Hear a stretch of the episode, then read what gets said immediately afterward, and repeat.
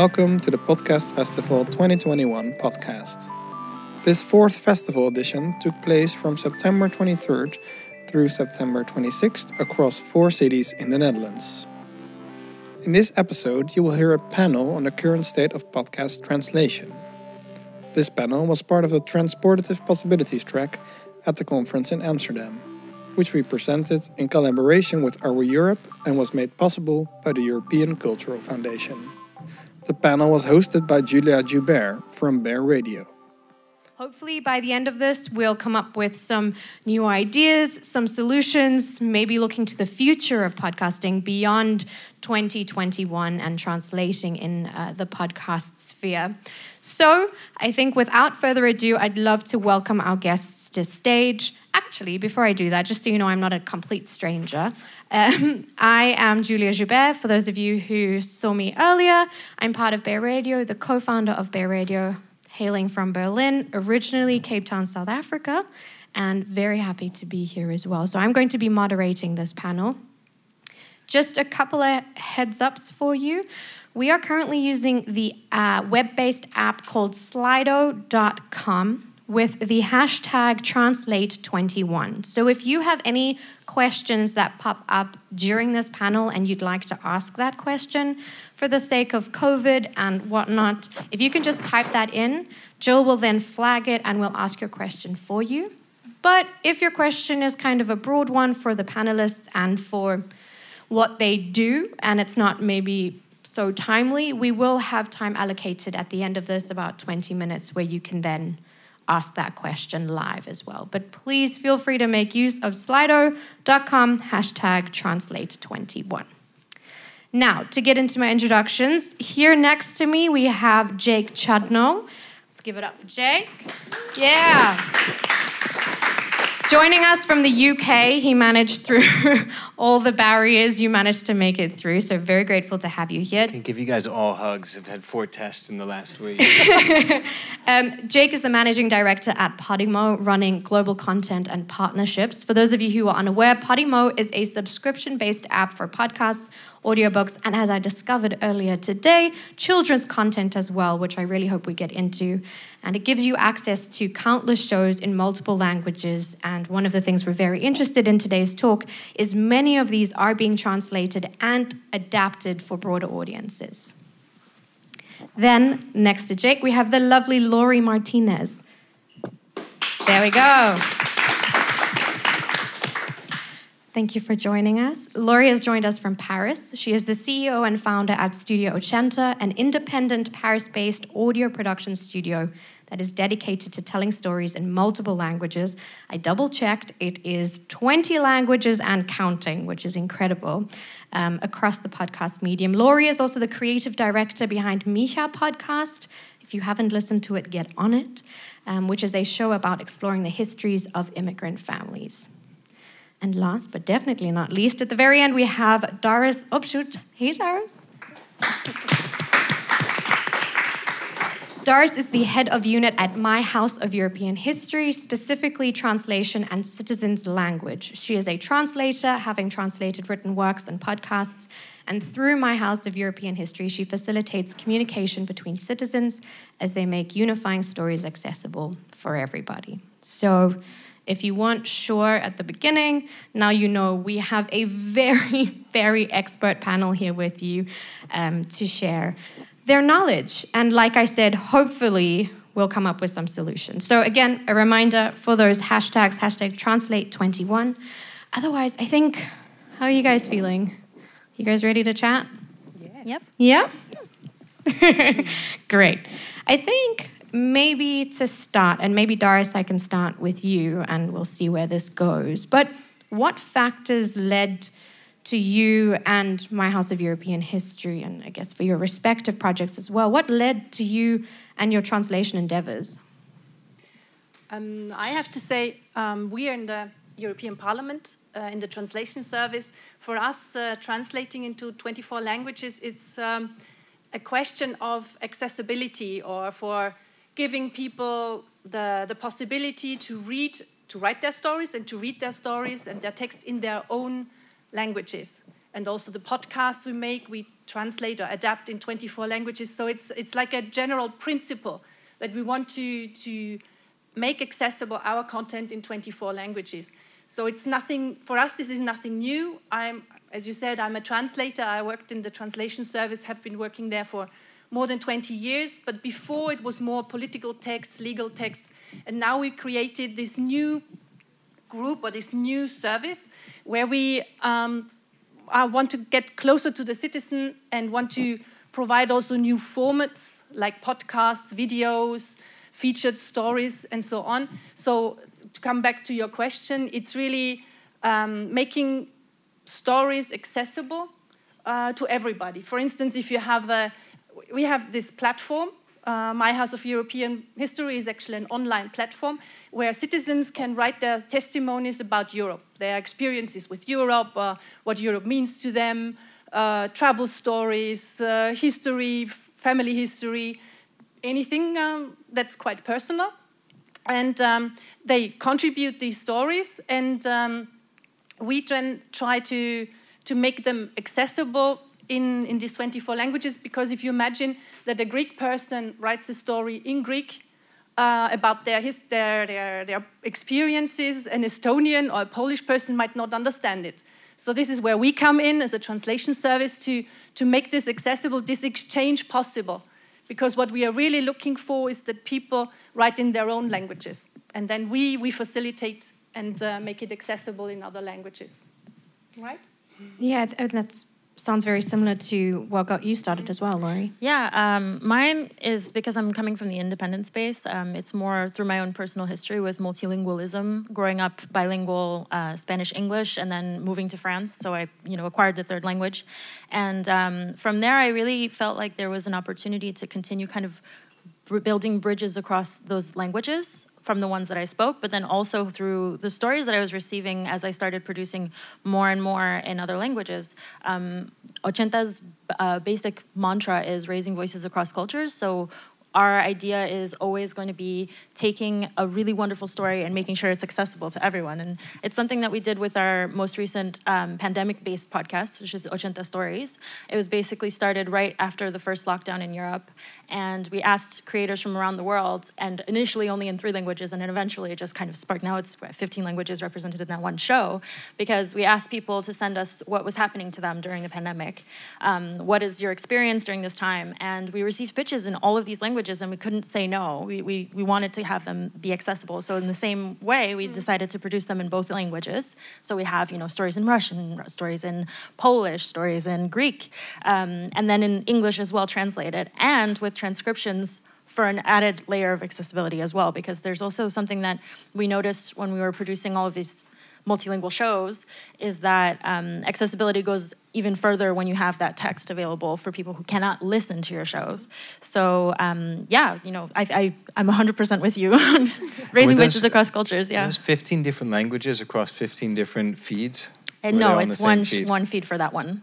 Uh, because on Ochenta Stories, basically it's something that is we can talk about that because i think it's really challenging especially if you're trying to target different language audiences. But with that show it wasn't the point.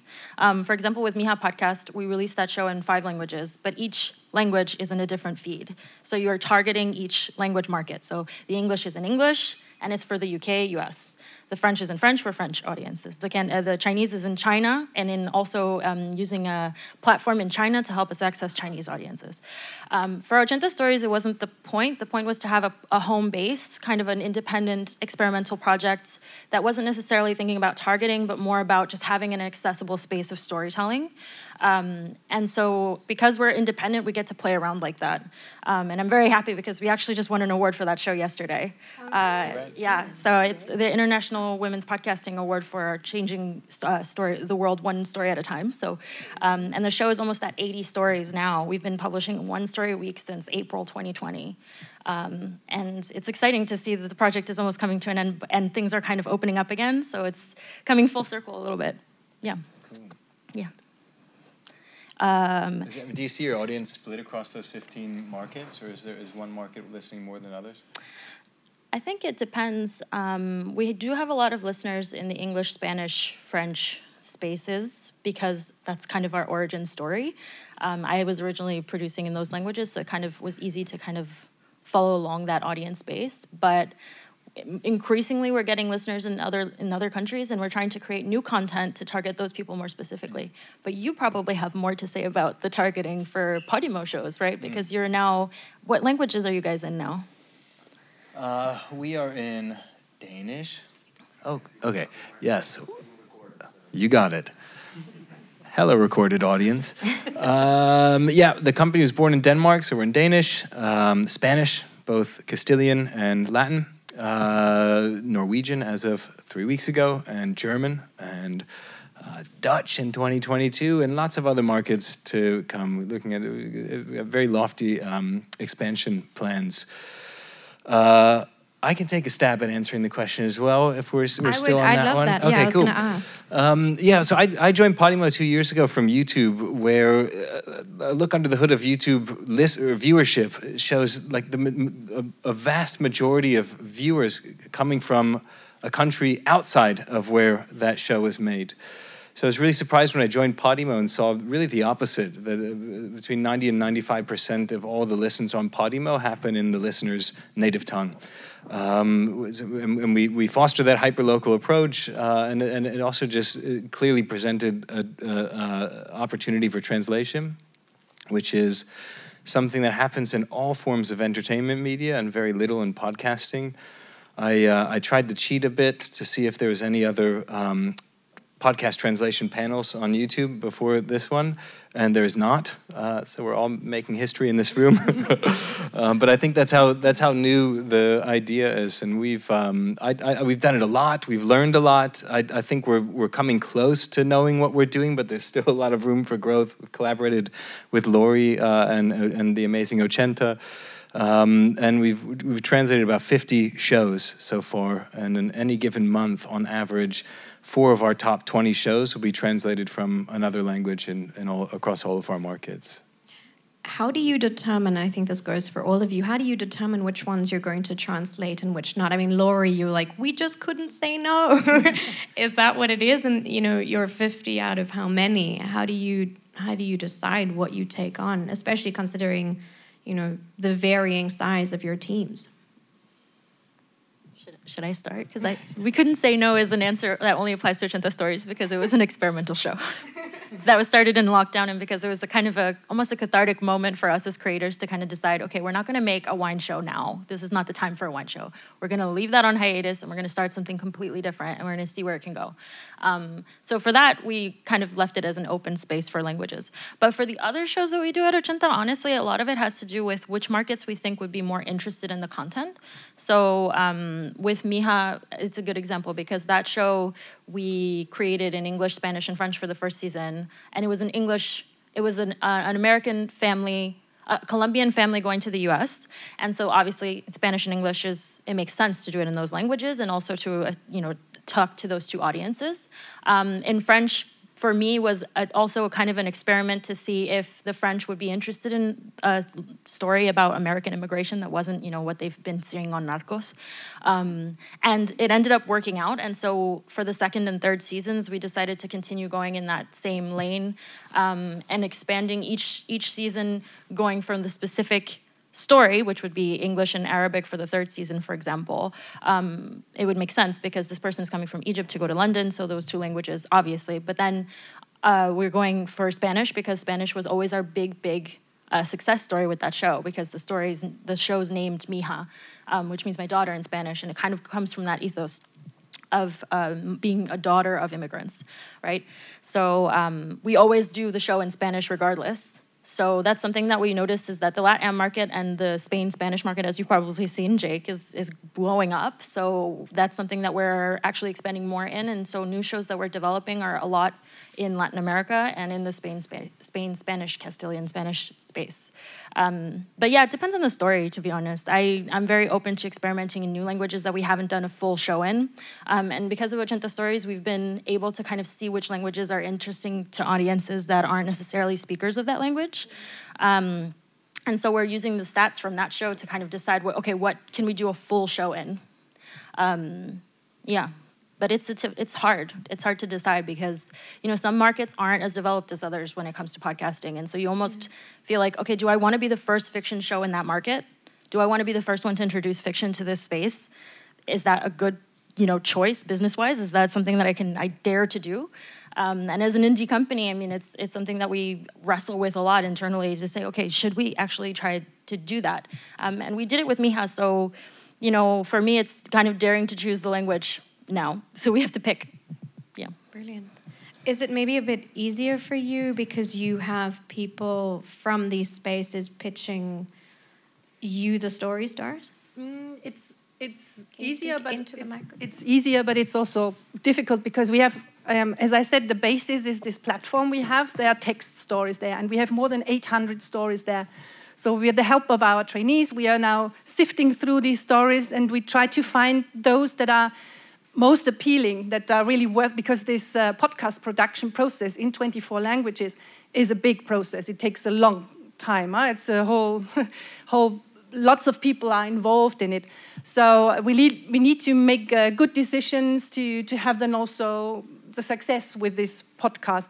So we go through the, the stories, find uh, personal ones that we find very appealing, and then we um, introduce, uh, we, we put it before the editorial board, and they make the decision actually. It's a, a board uh, made up of uh, the, our hierarchy, director general, and some experts as well they make the choice then uh, if we can go ahead, and then the whole process of uh, podcast production on the basis of this story starts, which would mean that we contact the contributor of the story and then uh, make an interview. We all do it ourselves in our translation service. I'm quite proud to say because we had some special training as well to do the scripting, interviewing, scripting, and then we create templates. We do the recording ourselves, so we had even voice coaching I'm the, for instance, the, the, German voice of these, these podcasts. We always have uh, two parts. We have a narrator and the original voice, where we do a voice over. And then, uh, yeah, the sound, the, the, music, and the template, sometimes also um, background noises, soundscapes. Sometimes we've uh, started experimenting with soundscapes. Um, yeah, then the final approval, and then we, we publish and try to distribute uh, through our channels and make it available as widely as possible. I just jumping on. Sorry, I don't want to. We can get to you answering, Jake, if you'd like to. Um, but you've now both mentioned the very obvious success of this, right? And and the success and coming down to um, money essentially and and the success rate of how you decide what you decide is very dependent on whether you're going to be able to keep supporting your companies through this now, I think, you know, maybe coming from my House of European History might be a bit easier than, say, an independent production in terms of making those decisions.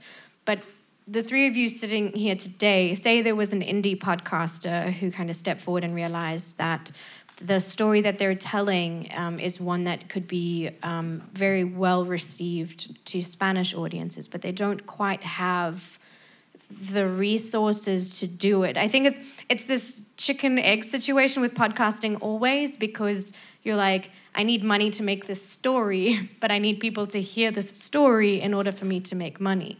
How do you how do you advise that approach especially looking at translation and multilingual podcasts? I think you should use your multilingual superpowers that you already have. Um, this is something that maybe people don't really recognize, but Mija was released in three languages, but I voiced all three of them first. The show was released and produced by me only, and that was our first ever show for Ochenta. Um, I didn't have the budget for other people to translate the show. I didn't have the budget for anybody else to voice it. And as an indie producer, I just dared to use my own languages. And I think something that you know Europeans as a whole have that a lot of other countries may not necessarily have access to is just so many a wealth of multilingual spaces and. Um, just being exposed to all these different cultures all the time. And most people in Europe are at least speaking more than one language. So use the other language that you speak, use your peers um, if you're an indie producer, because that can be one of the first resources that you can have if you don't have a budget. And you'd be surprised if you really feel that that is a valuable story to tell in the other language, somebody's gonna find it interesting.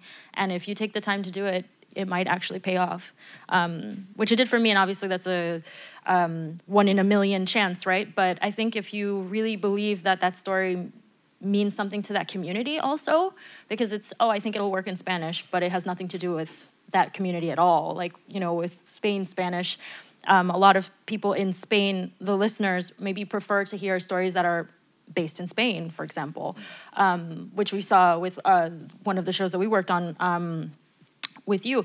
Um, so for us, it's it's really thinking about if you're if you're wanting to make this in another language, then think about what it'll mean for that audience as well. It doesn't matter to them. Will it be meaningful if it's translated to that language?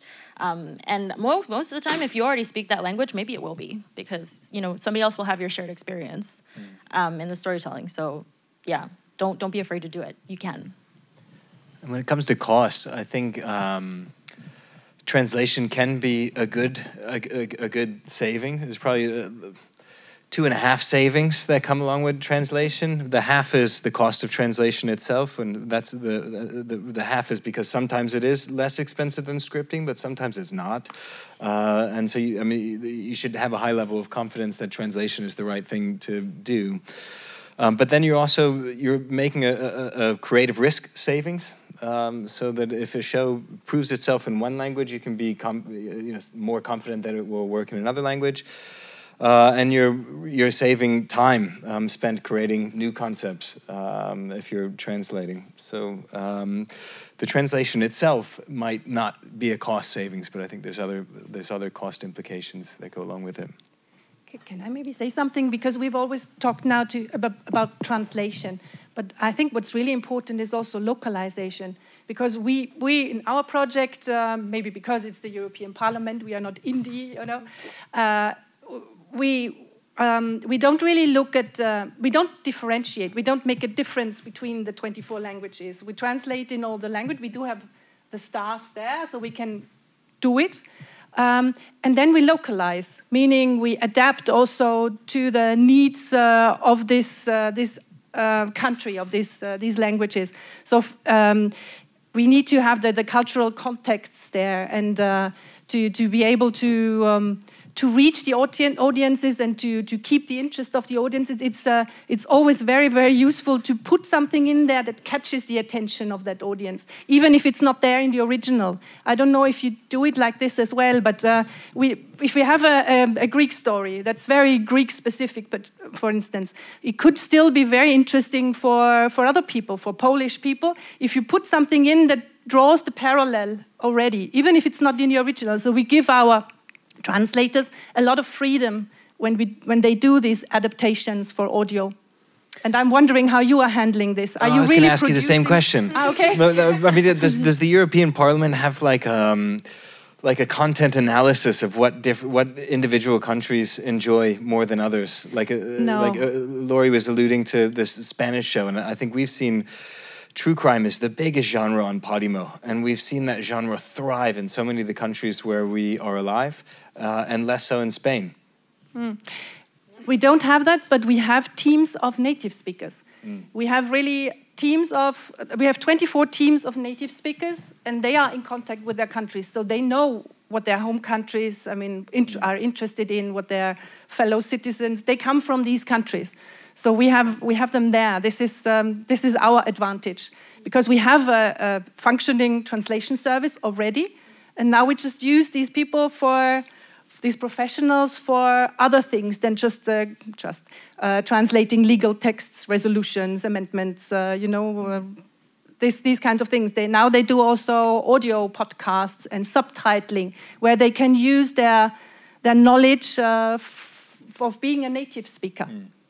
I have a question. Mm-hmm. Just so to understand how incredible it is, you're taking, are you really taking like a Greek story and translating it to the 23 other languages each yes. time? Yeah. And there's, and in terms of the story selection process, do you have an, um, I guess, a criteria for which stories get translated, or is it just kind of automatic? No, it's not. This is a, okay. it's a selection process, and it, uh, it, binds a lot of resources, especially the podcast production. So we have to be careful in what mm. we select because it's a big uh, process. We select stories that we find especially attractive, appealing, um, maybe also in the spirit of this common Europeanness, shared uh, heritage. Um, we people, I mean, we select stories where we think that people could connect across countries, from from the Baltics to the south to Portugal, something that is a bridge. So we select it, we put it before the editorial board, where we also have experts, and then and then the decision is made, and then it's really localized, adapted into these uh, other 23 languages, yes. You know what's super interesting is that we're always talking about this being so nuanced, but Disney does this already. Um, the TV medium, Netflix, all they're doing is picking universal kind of stories and then they translate it to X number of languages already. So I think the application to audio is, is nuanced now, but it's it's for people who are trying to wrap their heads around it being a new thing, multilingual audio, it's not necessarily that new. Um, and I think it would be really interesting to like hear. I would love to hear your thoughts as well. What do you think makes a good translatable story? Mm. Because you know, I think everyone has their own different opinion about mm. that, but um, I don't think anyone has found like the secret sauce. Maybe only Disney for me in the TV world, but in the audio, yeah. As well, and, yeah, fiction space. Non, non-fiction. Yeah. Yeah, I mean, I think um, it's really hard to dissociate story with format as well when, with podcasts. And I mean, there's certain formats that um, are not translatable at all. You know, the, the interview format. I, th- I think it, it can be really exhausting, and we've tried it. We've we've tried so many types of translations, and I think when you have a, a, a story that's more than 40, 50% interview, it becomes exhausting for a listener to hear so many um, dubbed voices and, and breaks in the narrative. Um, and so, from a format point of view, I'm really interested in that space that, that we're really actively exploring, which is somewhere between a podcast and an audiobook. It's fully scripted, read by a single narrator. Maybe there's some breaks for interview when it's important to do so, but it's mostly scripted, uh, music in the background, light layer of sound design. Um, but I think we've seen a, you know that we've seen that format work really well in a small number of cases, and are keen to um, to try it. We program for a, a relatively narrow is not the right word because there's a huge amount of people that are slightly older and slightly less male than your average podcast listener. Um, but we're focusing on genres that we specifically identified that um, that group to listen to. So true crime is one, uh, learning is another, and um, self development and personal stories. So those, and I think the the biggest success we've had is with translated is uh, is true crime. Sorry. Now you've um, mentioned kind of exploring these new opportunities, new avenues. And I think it is very varying when you look at an indie podcaster versus the resources that um, you, Doris, and your team have.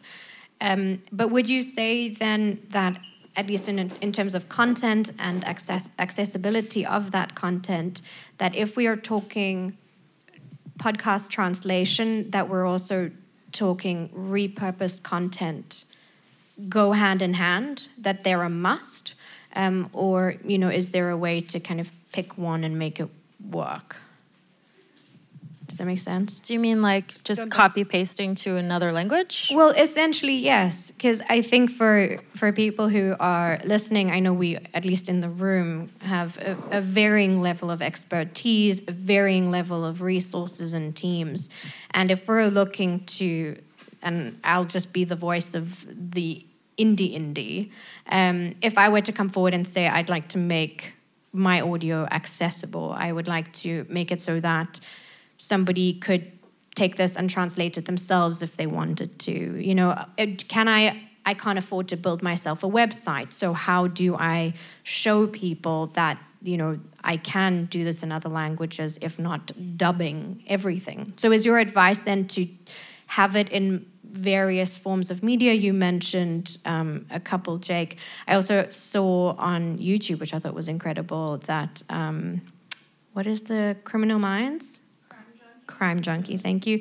Crime Junkie is busy. Um, they're putting all of their podcasts into American Sign Language and onto YouTube, which is mind blowing. Are you looking at opportunities like that? But also, what opportunities could indie podcasters have easy access to in terms of reusing and repurposing that content? Um, Instagram subtitling on stories, for example. Um, we've experimented with that. TikTok also has a subtitling feature, so outside of just using something that's a paid service, you can also just already use the social media tools that you have to kind of repurpose re-promote your content in a way that's accessible to people. I think subtitling is something that we kind of look over when it comes to this accessibility question when it um, for multilingual audiences because people around the world are looking at you know dot coms.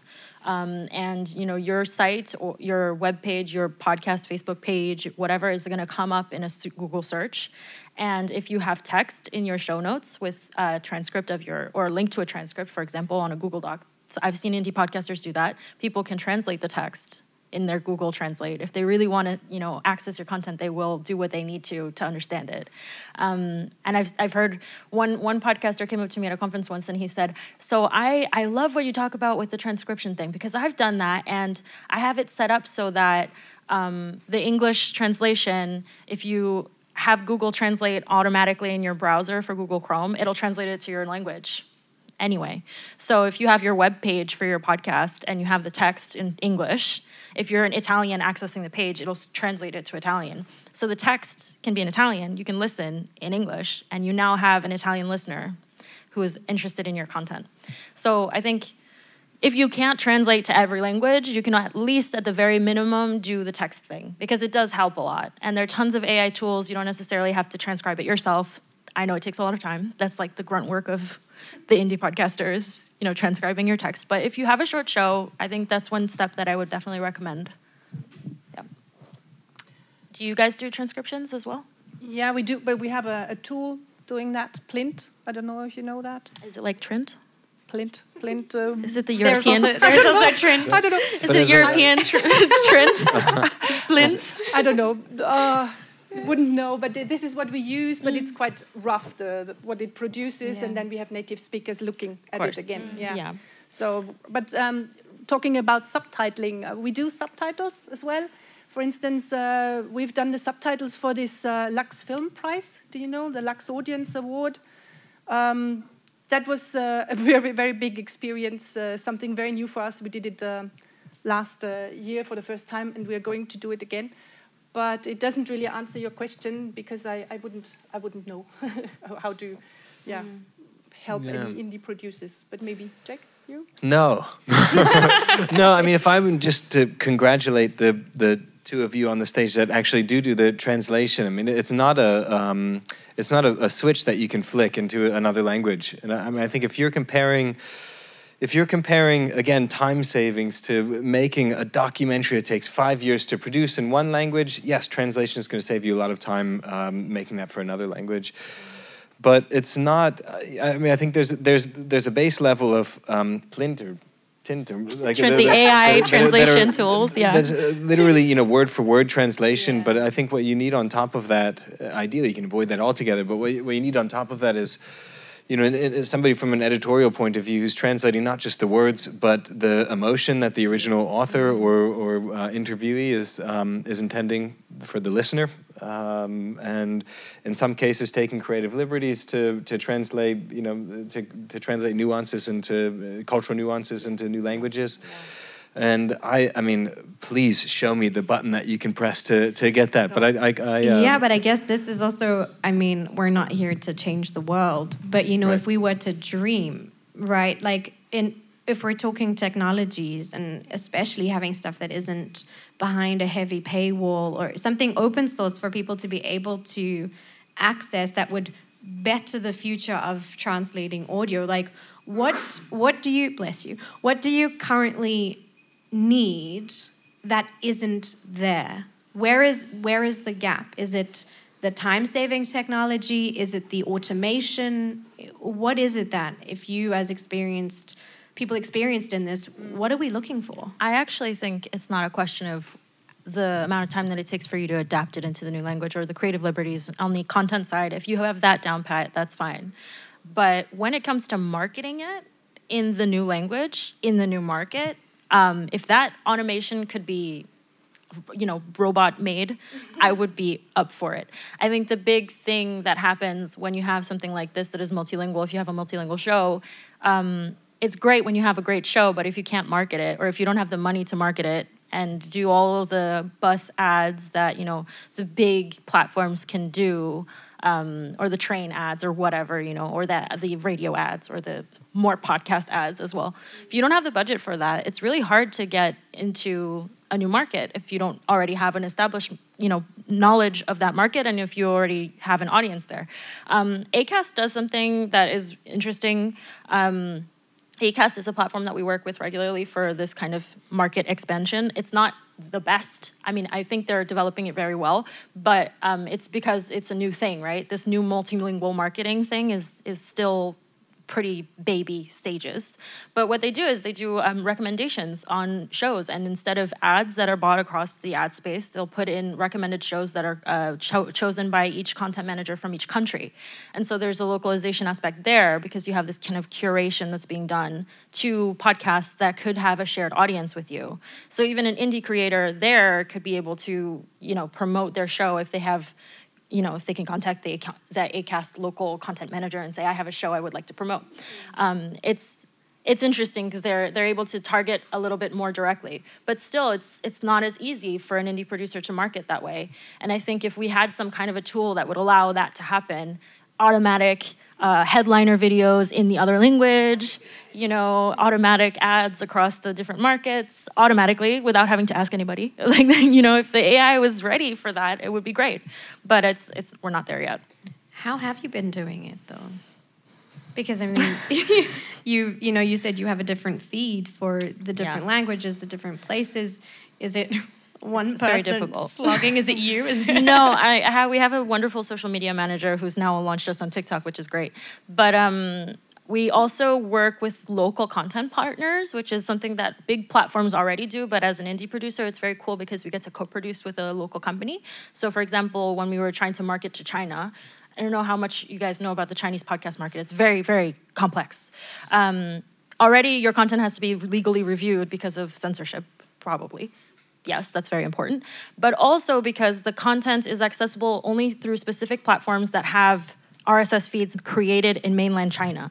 You cannot send a podcast into mainland Chinese audiences' ears unless you already have an audience platform there. So we couldn't make a Chinese version of Mija unless we worked with a local partner. So, you know, we worked with, we did a co-production for that one.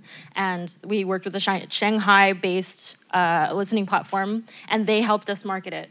Um, and they helped us get it onto Apple, and, and it helped us get to number one in China, which we never would have been able to do. So I think as an indie company and as an indie creator, something that creators can do is also kind of reach out to your peers. Because if you're interested in doing something, it can be a collaboration with somebody who's doing something similar. And they also wanted to explore that, that the fiction format. And so they took a bet on us to see if the Chinese would be interested in fiction. And so the experiment was two ways. And it ended up working out. And so they're actually going to be making more fictions in Chinese because they noticed that the audiences were interested. So without having to have the crazy marketing budget that some people have, we were able to get that because we co-produce with an indie company.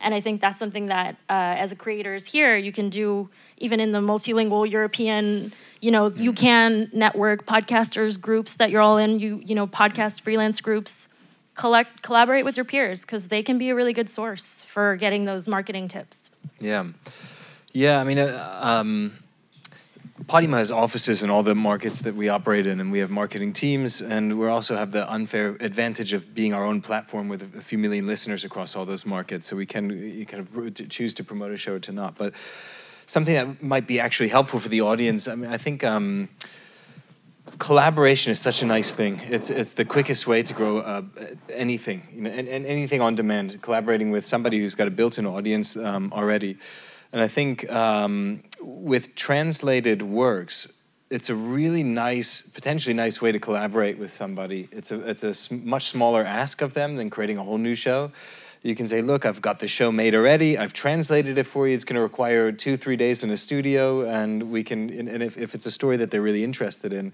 they might be interested in promoting it to their audience as well. So that's a, you know, without spending on, on marketing or, or with, without being thrown into the dark in a new market and not knowing how to, how to market, um, collaboration can be a really nice way to grow a podcast audience Doris, how did your team begin that collaboration process?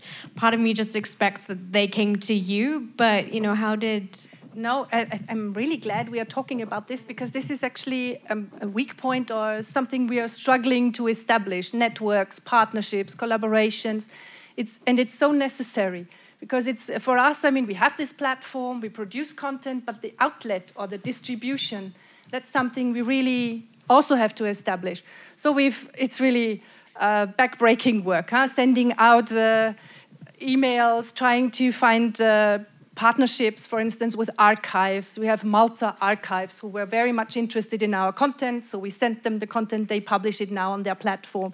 The House of European History, which is a museum in, in Brussels, we collaborate with them now and are really doing a project with them with interviews about COVID and how people see their experiences during COVID um, universities, young people are very much interested in, in our stories and so on. So, so universities, schools, um, museums, we try to, to reach out as much as we can, but it is uh, really step by step. Huh? It doesn't really come uh, mm. very naturally. So uh, we really have to work at it, on it to get it done. Yeah, as content so people, uh, we don't think of marketing at yeah, all. Yeah, exactly. It's like I'm uh, coming from a po- indie podcast space. Nobody teaches you how to do no. advertising or anything like that or branding. No. Yeah, and we've um, only got social media recently, so we really hope that this will bring the the big kick. Are you on TikTok too? No, no, well, this is much too much too too advanced. No, just normal social media. Yeah.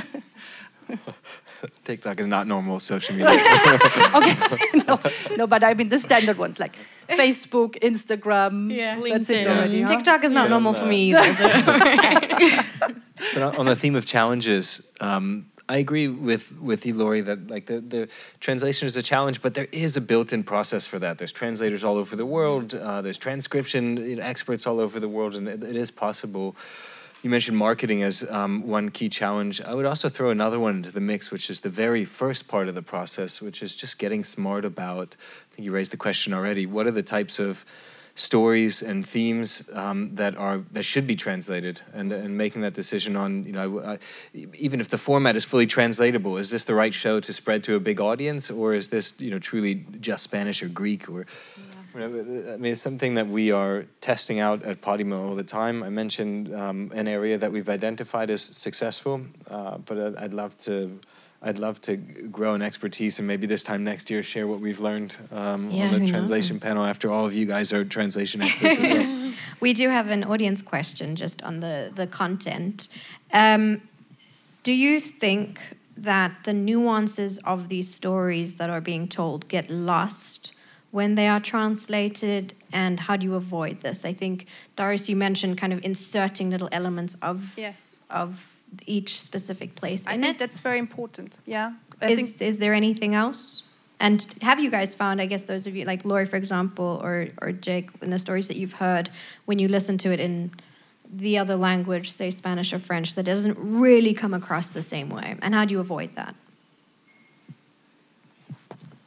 It's a difficult question. It's a difficult question also because like uh, you if you have to be able to answer that question, you have to speak all the languages you're translating into.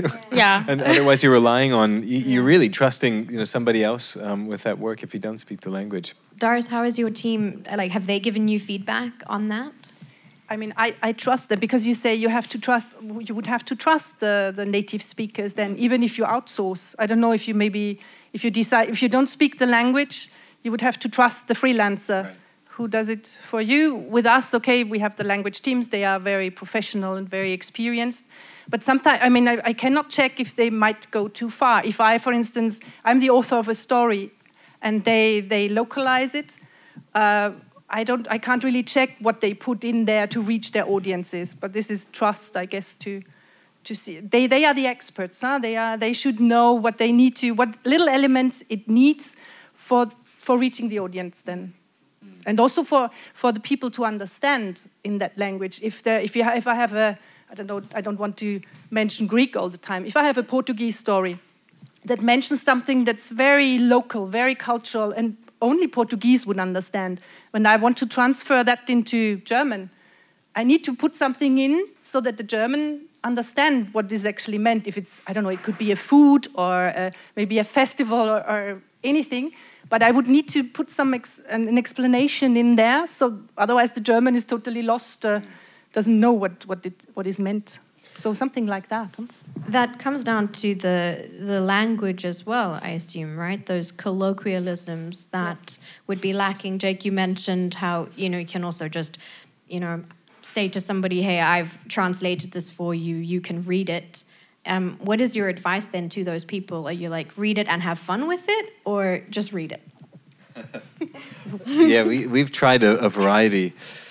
We've tried. We did. Um, we've we've trans. We, lot, some of the works that we've translated are through partnerships with media companies like Wondery, and um, we translated dating game killer uh, in a number of languages. And there's some big personalities in dating game killer.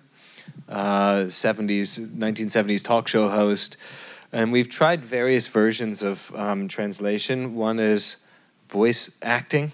So like really acting out exactly that you know the 1970s archive.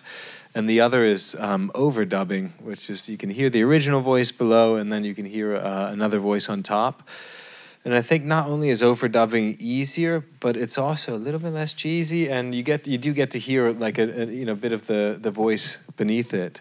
It's quite a skill to get that right, though, isn't it? Mm. Because I've definitely heard overdubbing where it is incredibly frustrating because you know, it's not just a matter of dropping the levels of the person, uh, you know, the original, but it's the, the, timing and the the kind of bringing it in and out. Are you saying that you just have that voice talking the entire time and then the overdub the entire time? Yeah. So what I meant in that second scenario is almost like um, news or documentary style, where you've got somebody speaking in a very um, straight voice just so it's understandable, and then you can hear the the you know the original character voice under it. Uh, but uh, oh, okay. Yeah.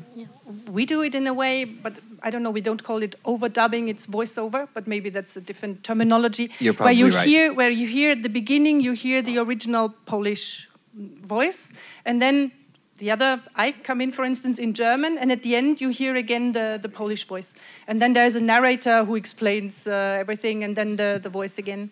So yeah. Yeah, and I think it's. You, I, yeah? think it's yes, mm-hmm. um, and it, but it also depends on the format. Like it, it's really hard to dissociate translation and format. But when you, if it's a, a fully scripted format that can be written to be translated, um, it's much less of a concern. But if there are big characters, Tiger King, you have to hear his his like Southern American accent to appreciate the story. That's mm-hmm. that's going to be much yeah. di- more difficult to translate. Mm-hmm.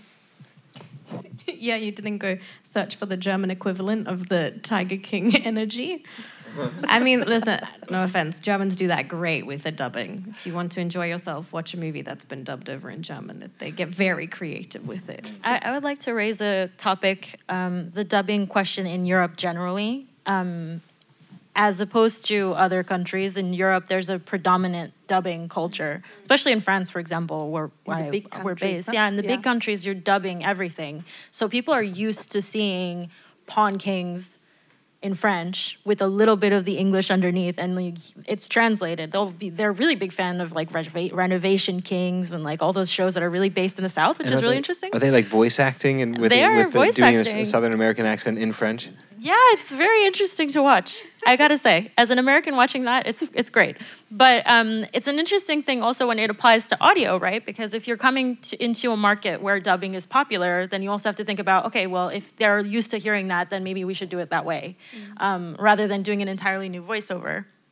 But there's something to be said for making a whole new version of a show or a whole new version of something, um, and then it just becomes an adapted version of the series. Like there's people in France fixing houses. Like that's a completely different show, but it's the same kind of spirit of the show.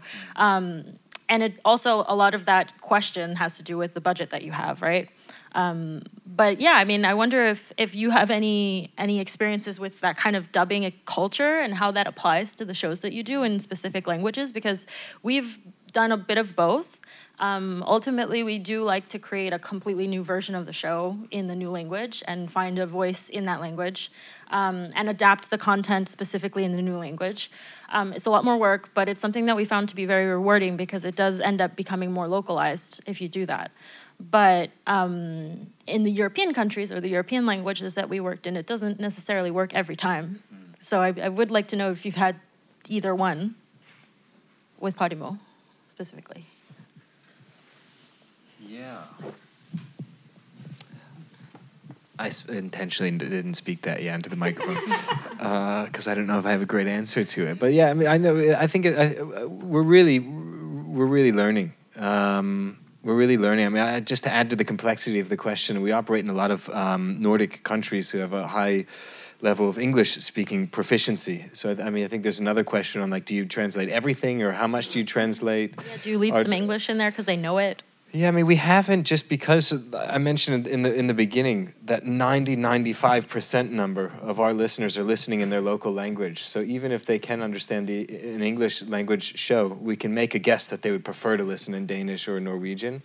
So we do, we have been taking a very aggressive approach to translation, which is translating everything and not leaving, leaving any of the English. But I, would be curious if there was that hybrid but, but. I, I find this really encouraging. I find yeah. this great because uh, sometimes the, the general opinion is, ah, oh, but everybody speaks English, everybody understands English anyway, why, why bother? I mean, why should we translate into 24 languages? But it's really nice uh, to hear that it's, it's really rewarding and that uh, we, say 99% uh, prefer to, to listen yeah. to it in, the, in, the, in their language, not just in English, even though they understand. Mm. Yeah, we've mm -hmm. seen a, a, really clear preference. Yes. Mm. So you have very good analytical tools because this is something we don't have. We do. If your podcasts are on Podimo, are, are your podcasts on the RSS available widely? Uh, no. No. But, okay. Uh, yeah. Well, if they coming. were, uh, they would also be on Podimo, and then if you claim them on Podimo, you get access to Podimo Studio. you get all all the analytics. Yeah, it will come. It's work in progress. Yeah. Yeah. the three of you have shared a lot about your your learnings and you know very open about you know what still needs growth from each of you. But I think kind of going back to the beginning of your exploration of translating on your various platforms, what were the the big learning curves for you when you started out? Maybe Jake, we can start with you. Crap. uh, yeah, I think um, I think we've actually we've actually covered a, number of them, but just you know, in terms of um, of format, I think we're moving when when we decide to translate a show. If it's going to have interview in it, it's got to have such a high degree of success that we're confident that it's worth the process of translating all of the interviews. We know we're going to put the listener in a place where they're a little bit less comfortable because there's so many voices, but the story is so great that it deserves to be told in multiple languages. Um, but then there's another tier of podcast which is uh, which we're really actively exploring and I think is probably underexplored, which is that like somewhere between the audiobook and the podcast, which which can be written to be translated. Um, there's a number of them all over the world. It's, it's not like they're not happening, but the, but it's not the predominant format for podcasting. I think one of the, one of our biggest learnings is that we can be you know we can be creating those, we can be commissioning more of those types of shows um, if we want to be really actively translating. Uh, and then within the translation space, you know, we've, we've tried in so many ways. We've partnered with third parties. We've um, hired our own translators, and I, I think uh, one of the learnings there is that this is going to sound really obvious, but not all the translators are the same. Not all translators are interested in uh, true crime or romance or self-development, and there are there are some translators that are into certain genres and some translators that aren't. And it's a, if you spend enough time building up the right trusted network of translators, then you know who to give what type of story to, and it can make such a big difference. I was going to say, would you say that's essential? Uh, like I would, caring about the topic that you are now doing the translation for. A good translator would probably say no. They can translate anything, but I, I, I do think it's we're t- we're talking about you know uh, content and, and content is creativity, and I mean it, again we, it's not just translating language word for word; it's translating creative intent. So I do think that's important. I think I agree a lot with that question because you as a creator you have to also kind of let go when you're creating an adaptation like that. And one of our biggest challenges is always kind of seeing how much to what extent we want to change the show in the new language. Um, will it lose the spirit? Will it lose the messaging? Will it still kind of keep that heart that we had written especially when it comes to fiction as well because you're, you're dealing with these kind of stories that you've you spent months and months script writing and you've done dozens of drafts of the scripts and then you have to go and adapt it and it just feels like you're it's breaking your heart especially as a creator because you're you're you're attached to characters you're attached to things that happen to them. And um, one of the first experiences that we had with that was changing an entire storyline for a person in one of our shows and it was because that market needed a new person. It did not work and we had to accept that. And it was a mourning phase for the writer more than anything. But um, I think that the translation process really has to take into account that part of it.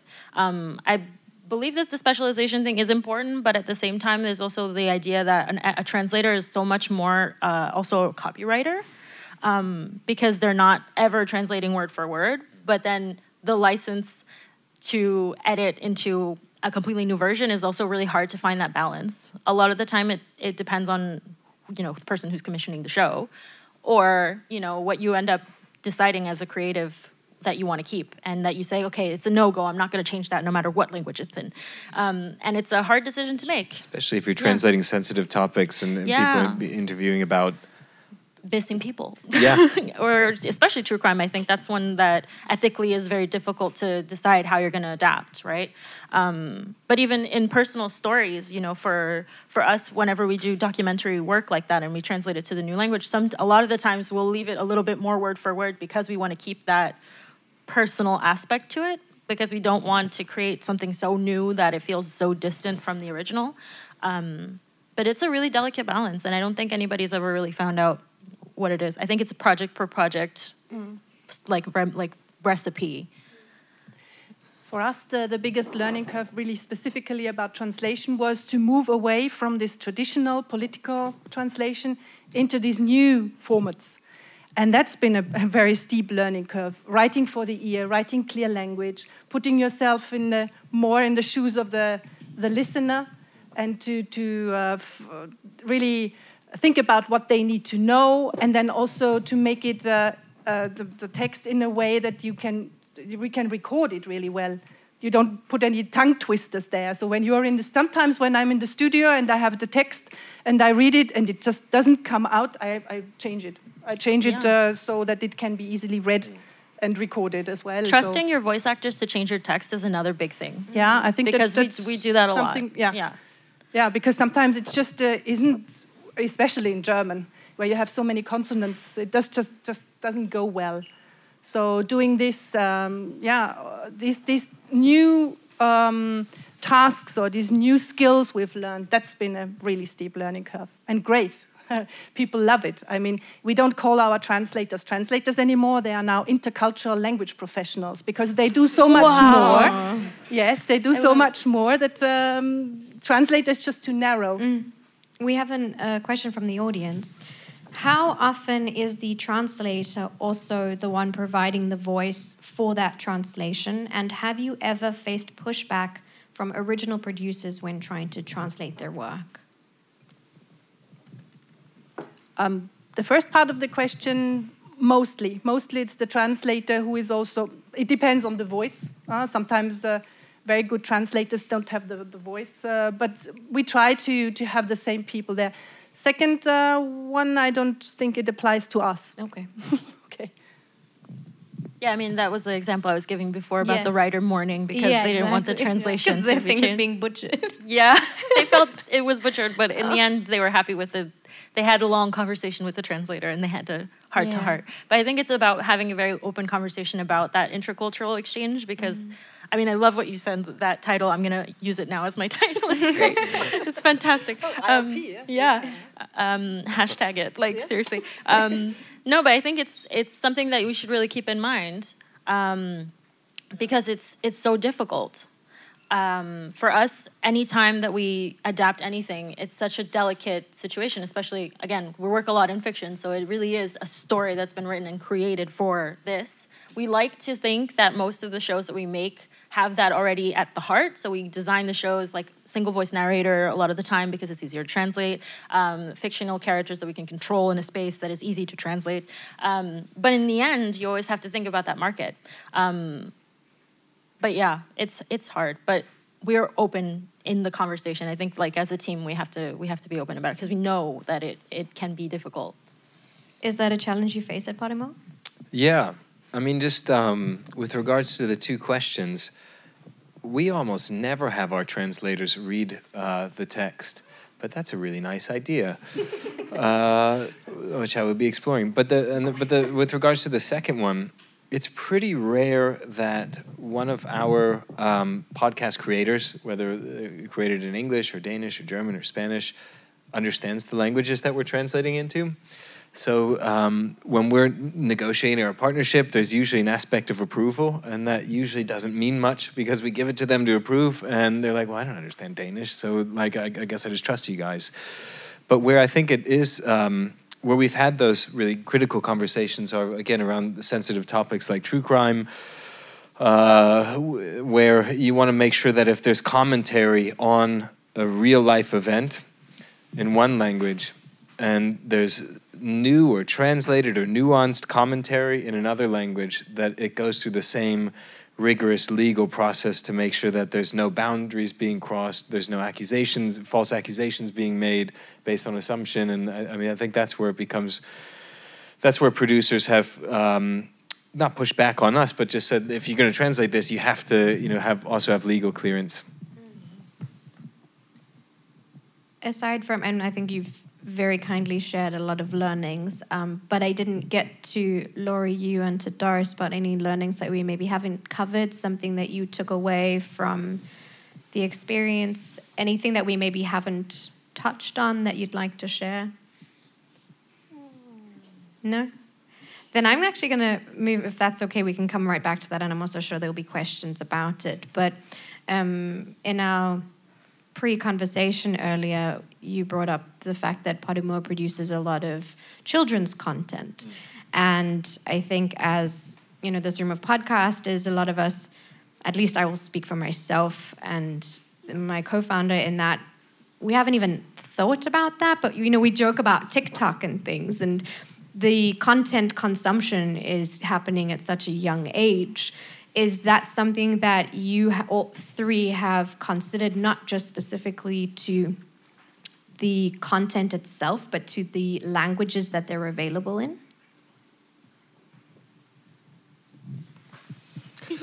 Um, yeah, yeah, yeah. Podimo has launched a, a, kids universe. It literally looks like a kids universe. Uh, there's two different versions of it. The one for very young um, children is like floating bubbles in space, and you don't need to be able to read. You can just click on minions, and then you, you get opened up into audio and also audio visual. Uh, no video, because I, I think the, the idea behind it is that, it, and part of the reason why I think parents are enjoying it more is um, it's a, a screen-free uh, form of entertainment for their kids. They can do it in long car journeys, so they can feel a bit less guilty about like zombie eyes uh, and using imagination.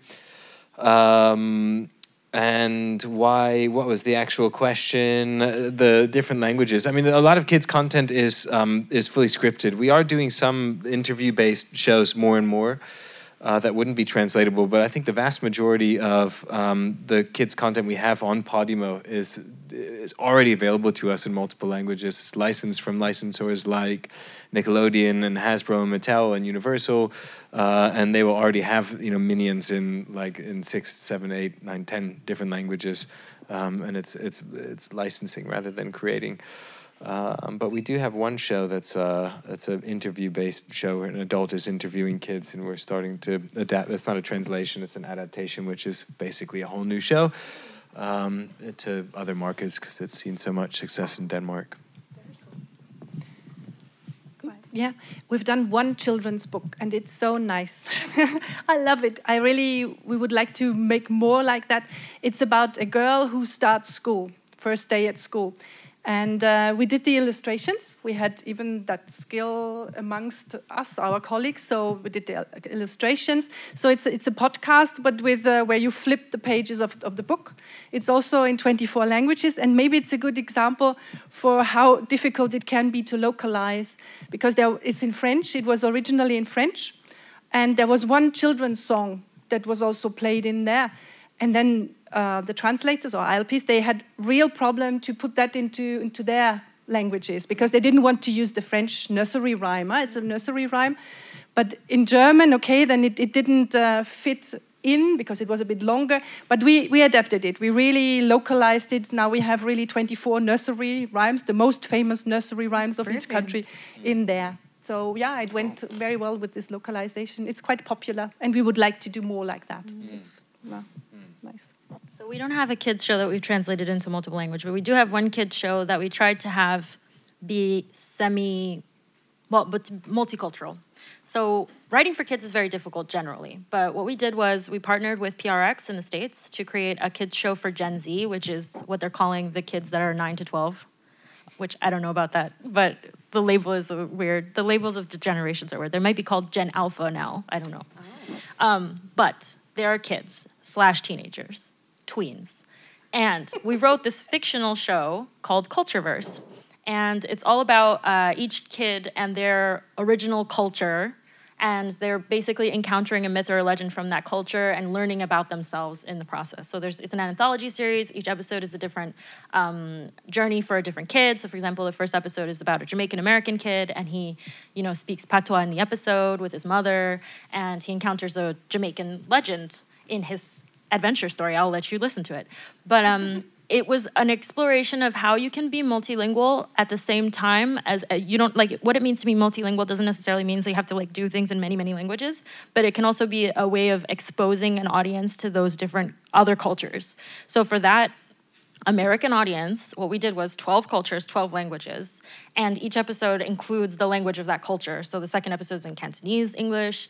Third episode, I think, was Mexican, Spanish, and English, um, and so on and so forth.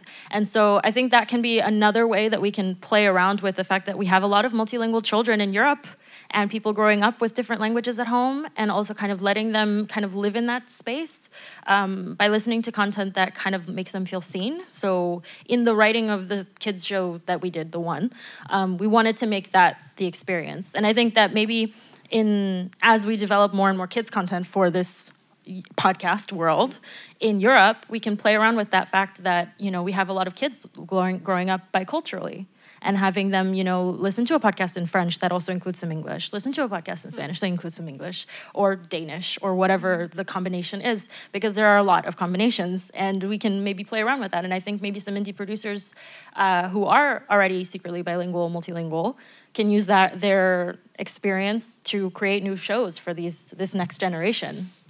Your uh, your active um, podcast listener in most markets is also at an age when they are they have they they can have or they do have um, younger kids. So I think that they can share that passion with their kids, and if you're making the right shows, uh, you can inspire the, the parents to turn it on for them. Yeah.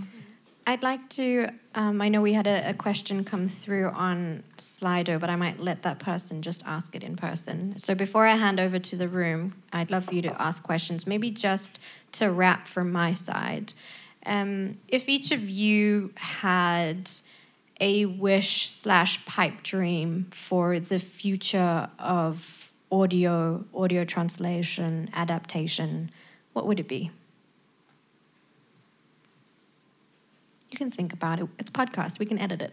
we'll edit the silence, right? okay.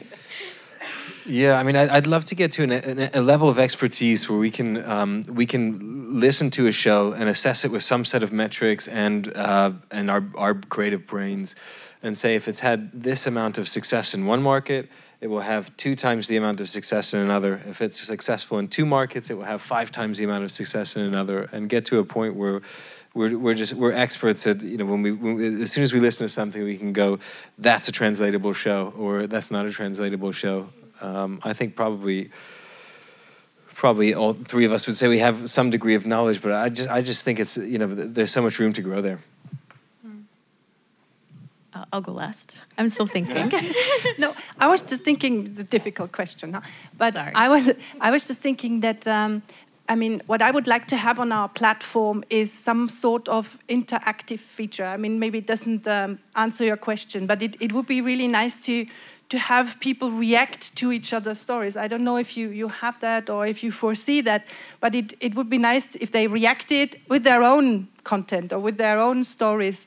It's not just a like story or don't like story, but, but more triggering a whole conversation. This is something I would like to achieve we are not there yet, but maybe in the future we'll we'll A get social podcasting app. something. Yeah. Somebody's gonna invest in that. Yeah. yeah. Um, so this is gonna sound a little bit crazy. Crazy, but I would really like to see. I know this is already now becoming a trend. It's still in the early days, but a lot of the time, um, what we have is the same kind of trend as in with Hollywood movies, where the movies that are mainly made in English get translated to other languages for other countries. Um, obviously, there are independent films, but the ones that get the most marketing and attention are the ones that are coming from Hollywood and then translated to many other languages. Uh, this is the same trend happening now with podcasting that are multi podcasts that are multilingual. We're coming from American or English anglophone stories that get turned into other languages. There's a reason for that. Uh, the U.S. is the biggest podcasting market. That makes sense. Um, same for Hollywood, right? But I think that because this is an independent medium, I would love to see in my dreams of dreams um, these big firms, these you know local firms in these different countries that I think they're starting to do it. It's happening now with Spotify and Audible, but it's very slow to go. Um, to invest in stories that aren't just anglophone ori- original and coming, you know, picking a story in Poland, picking a story in Greece, and turning it into English and making that a Hollywood blockbuster in audio.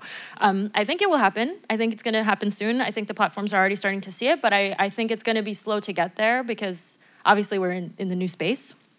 But I would I would love to see that happen. And yeah, Ochenta's trying to do it, but obviously we're not the same as these big big platforms. So that would be my dream to see to see that. Yeah. Yes, too. Do you want to say something? What do you think's holding that back? I think Why it's isn't that happening? I think it's because some of the markets aren't developed enough for advertising, and it's always about money for these platforms. So it makes sense. I mean, I totally get it; it's a business decision. But when it comes to down to it, if you're a giant corporation that can take a risk, small one, even if it's a small one, trying out a new creator, trying out a, a story in a localized space, and seeing if it's worth doing it in the other direction, you know, that can be something that you can try and be the first to try um, that that is something that can happen. But I think it's definitely having to do with the advertising because I mean, you know, different languages aren't monetized in the same way. You know, the French don't like ads; they just don't. So I mean, it makes sense that there's no advertising there. But the Germans love it, so they don't mind it. And so there's German language podcasts that are being monetized more easily. Um, and so there are German podcasts that are going to be tr- translated, I think, first. And what ends up happening, and I would love to know if what your opinion is on this, is like predominant languages with more speakers, rich country speakers, always get picked to be those big, big language translations, right? Um, I think it's a it's a question of mentality as Yeah. well, huh? risk taking or mentality. Yeah, yeah. I mean, for us, we are we are fighting to get also contributions, also written contributions in smaller languages, not not Mm-hmm. just the the big five, but uh, also in in yeah less spoken languages. Mm. But um, it's it's difficult because people they think I mean they speak English, they they contribute in English, but we don't want that. We want Mm. it in their original language. Yeah, and, And it that's actually why it this- pays yeah. off when you do it, though. Yeah, it, it does. I mean, we did one for the kids show, which again, predominant language of that show is English, but we did one episode with a lot of indigenous language in it. People loved it. It was our top show episode. I mean, so I think you know if you're trying to take it from another angle of like the new trend maybe in a couple of years. I think this is too early to say this but it'll probably happen in a couple of years.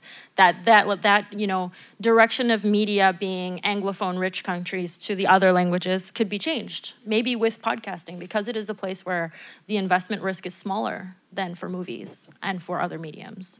Um, and hopefully it'll happen sooner rather than later. Trends tend to happen in snowballs, and I, th- I think it, it's, it's going to be that one hit that's born in uh, somewhere that's a not an English speaking Random place, country yeah. that just does so well that it will create interest uh, among like oh, what else from that country or what else is from that um, continent. Well, There's a he's Spotify you show that was there's there's one example. I will say that there's one example of it because I did mention that the platforms are starting to experiment with it. But there was one example, Caso 63, which is a Spanish show done by Spotify that they now translated to other languages, Portuguese and now Hindi. So there is, I think it's going to happen, but it's going to start with these tiny things. And again, tiny markets meaning tiny trends, and then maybe a big snowball. Yeah. and conversations like these. So for everyone listening and you in the room, I think we need to yeah latch onto this and run with it, and maybe we'll speed up the process a little bit. Um, before we say thank you and head off, um, I think the question that we got sent was kind of answered pretty much. Um, do people have questions that they'd like to ask and come up and ask? Yeah, sure. Um, should we maybe, can we have a, a fresh pop? Fil- oh, it's there.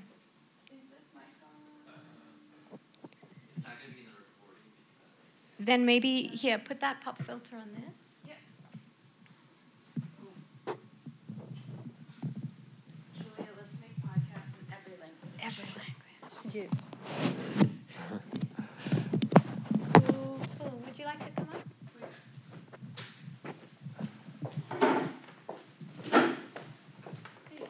Hi, thanks thanks for all the insights and all the knowledge. Um, most of you touched upon the fact that there are market specific interests or market specific ways that people like to unfold stories. I wonder what are the market specifics that you throughout working in this sector have picked up for the Netherlands. I really wonder what are what what what makes this Dutch audience tick or what you've learned about this. If any of you work, of course, in Okay, the I, I did, media scape. I did one Dutch podcast. My experience with that is that the Dutch market is very difficult to translate to if the content is not coming from the Netherlands. I do believe it's a hard language to translate, but our experience with it was that people were receptive to new content. But I, I don't have many insights into it. It was a branded show that we did for Meetic, um, and it was a French show that was translated into Dutch. Um, but I think it's still very early days to say whether or not there's a big trend. Um, I can't we have say. one um, one podcast that is original Dutch, and uh, and we produced it. It's about um, actually a lady who lives in in New York and thinks about what it means to be Dutch. It's a very interesting, very interesting uh, podcast, and it, it turned out really well, and people liked it a lot. So it, apparently, this is a topic uh, probably that that's interesting for all for everybody, for all countries, but uh, especially for for the Dutch in this case. Sorry, just to jump on that, was that a, a Dutch person living in New York or just a random New Yorker? No, it was a Dutch person uh, living in New York, uh, thinking about what what makes her feel Dutch still, although she lives in the United States. Yeah, it was very interesting. Off the cuff, remember anything that she said specifically about being Dutch? That Oh, well, uh, she she actually traced back her family history, and that's where she anchored her herself huh, in the in the history. Although she she felt uh, very much at home also in the states, but still she she had this part of her that that was uh, Dutch, coming from her ancestors. So this is where she anchored it. It's not uh, yeah traditions or modern times now, but more from from back there. Was that also translated? Yeah, yeah, in 24. Was it successful in the other languages? yes, I have a theory about that. I think identity content is going to be the easiest universal story that you can get because anyone who lives in another country that isn't their own is going to be able to relate to that story. Exactly, and that's this. This is you. You put it very nicely. Mm. This relating to the story. This is what we want to achieve. huh? I mean, maybe we don't succeed with every podcast or every story we take, but this one was successful. Yeah. Thank you for asking the I'd Be surprised if there wasn't an expat who's asked themselves the same question. Yes, I, probably, I gotta yeah. tell you, the most popular podcasts that are coming from Anglophone speakers in France are about expat, being an expat. They're also the most popular TikTokers because they just film Parisian scenes. But yeah, What's what's your answer to the question? Ah, Jesus Christ. Gotcha. Uh, yeah.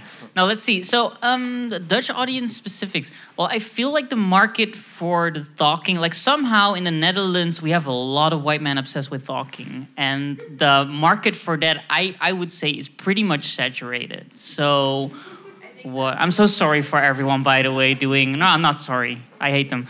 Um, no, but but no, but so the very specific thing is you're you're you're we're, well, luckily we're we're we're seeing more and more intricate and more detailed and complex narrative driven podcasts, and I feel like within that that also of course uh, makes podcasters search up new stories, which also makes them delve into new communities. So I feel like this this form of um, not democratization, but demographization of podcasting is sort of happening. Um, but that's the only like trend-wise thing I can report on for now.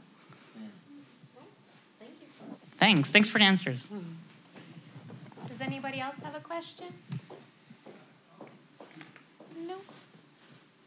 Cool. Then I think on that note, I just want to say first off, maybe do either of you have a question for one of the three of you? Actually, it just popped up to my mind. Uh, do you adapt actually because you said markets, languages? What about age groups? Because we, the colleague uh, mentioned demographic. Um, what about that? Do you have specific uh, podcasts for specific? We talked about children, but uh, older people, younger people. Do you also cater for the the older people? So, the, so uh, specifically with regards to translation, so if there's a show that exists for a 40 year old, would we adapt it for a 20 year old? Same topic, yeah, or would you different age? choose also topics that would be maybe more interesting uh, for senior citizens uh, or i- anything specific to Ye- age groups, maybe? um, not seniors specifically, but um, but yeah, I mentioned our, our- we do have a, a, do- a specific target group, um, but we're not taking translation into account. I think when we're when we're um, deciding what to.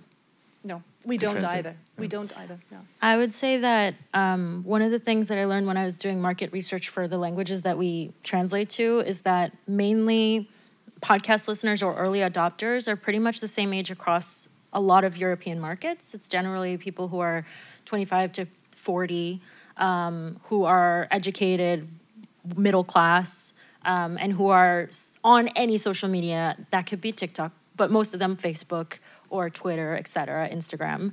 Um, so we don't necessarily think about that when we adapt, but we are also um, a young company. Most of the people are millennials on my team, so we're also creating content for what we would want to hear.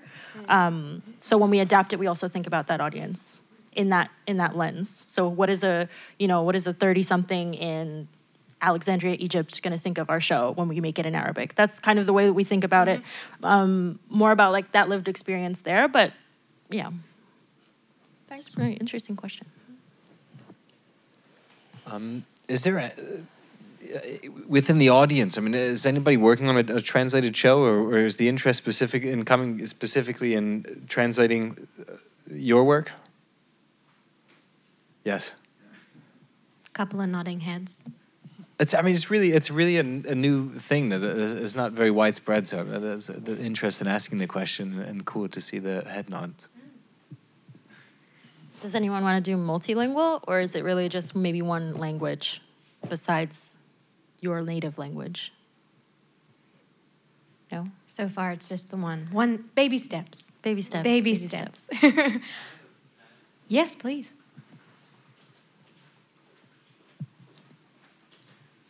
Um, so it's a bit like maybe a bit meta, but the idea of translation. So, for example, when you translate a Netflix show, obviously the like the visual aspect is the same. So it's the same show just with a translated uh, script. But when you do a, translate a podcast, and maybe especially a podcast that's more like a conversation between two people, that something that's not scripted, when does it become kind of a new, a different show? Um, in itself because there's not really anything that other than the script I know which is important but you don't have like the same visual that it, uh, someone who had seen the Netflix show originally um, is experienced in the new translated version of the podcast I don't know if I'm making sense but I guess there's what elements of a translated podcast link it back to the original podcast um, if it's not like a written script The branding Mhm. could be echoed. Um, we did a girl logo for Mija in Spanish, and then we did a girl in a hijab for the version in Arabic, for example, because the story was about a girl or hijab. Um, but I think uh, the branding, then also the music and the, the sound design can be similar. Although, again, depending on who your audience is, it might seem a bit uh, important to change your sound design a little bit more for that local au- audience. But the theme music is generally the same on our end. Like when we do adaptations, we try to kind of make it so that it seems like a uniform series that's been created, you know, in multiple languages, but still having that, you know, nuanced version of it. But it depends to what extent you adapt, right? Because you could make a completely different show. right. Um, but we, we don't we don't do it that way. We try to make it similar but different. thanks Then, on that note, I think to wrap, just want to say thank you so much to you, Jake, Lory, and Doris, for joining us. We're making a podcast, dude. I'll do that again for the sake of editing. Um, so, just to wrap that up, I just want to say a big thank you to Jake, to Lory, and to Doris for taking the time to chat. Thank you to everyone here in the room at the podcasting festival here in the Netherlands. If we could give everyone a, a round of applause.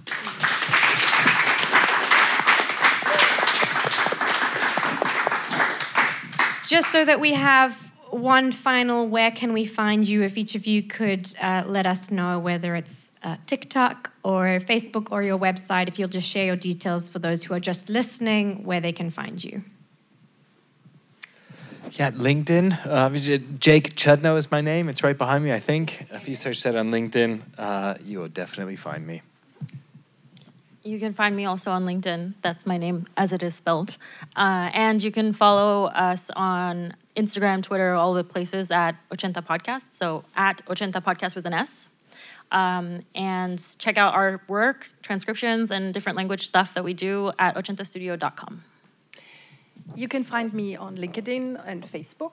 That's my name. And you found maybe the, the bookmarks uh, on your chairs. And I have a bus- some business cards over there. And uh, yeah, let's keep in touch. It would be great to have stories from you. If you would like to contribute, please do.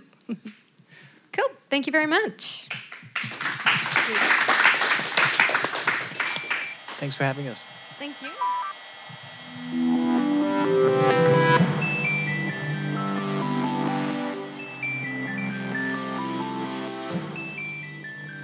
Thank you for listening to this episode, and thanks for the mysterious Breakmaster Cylinder for composing this year's festival tune. Please consider donating to the podcast network. You can find out how through the show notes.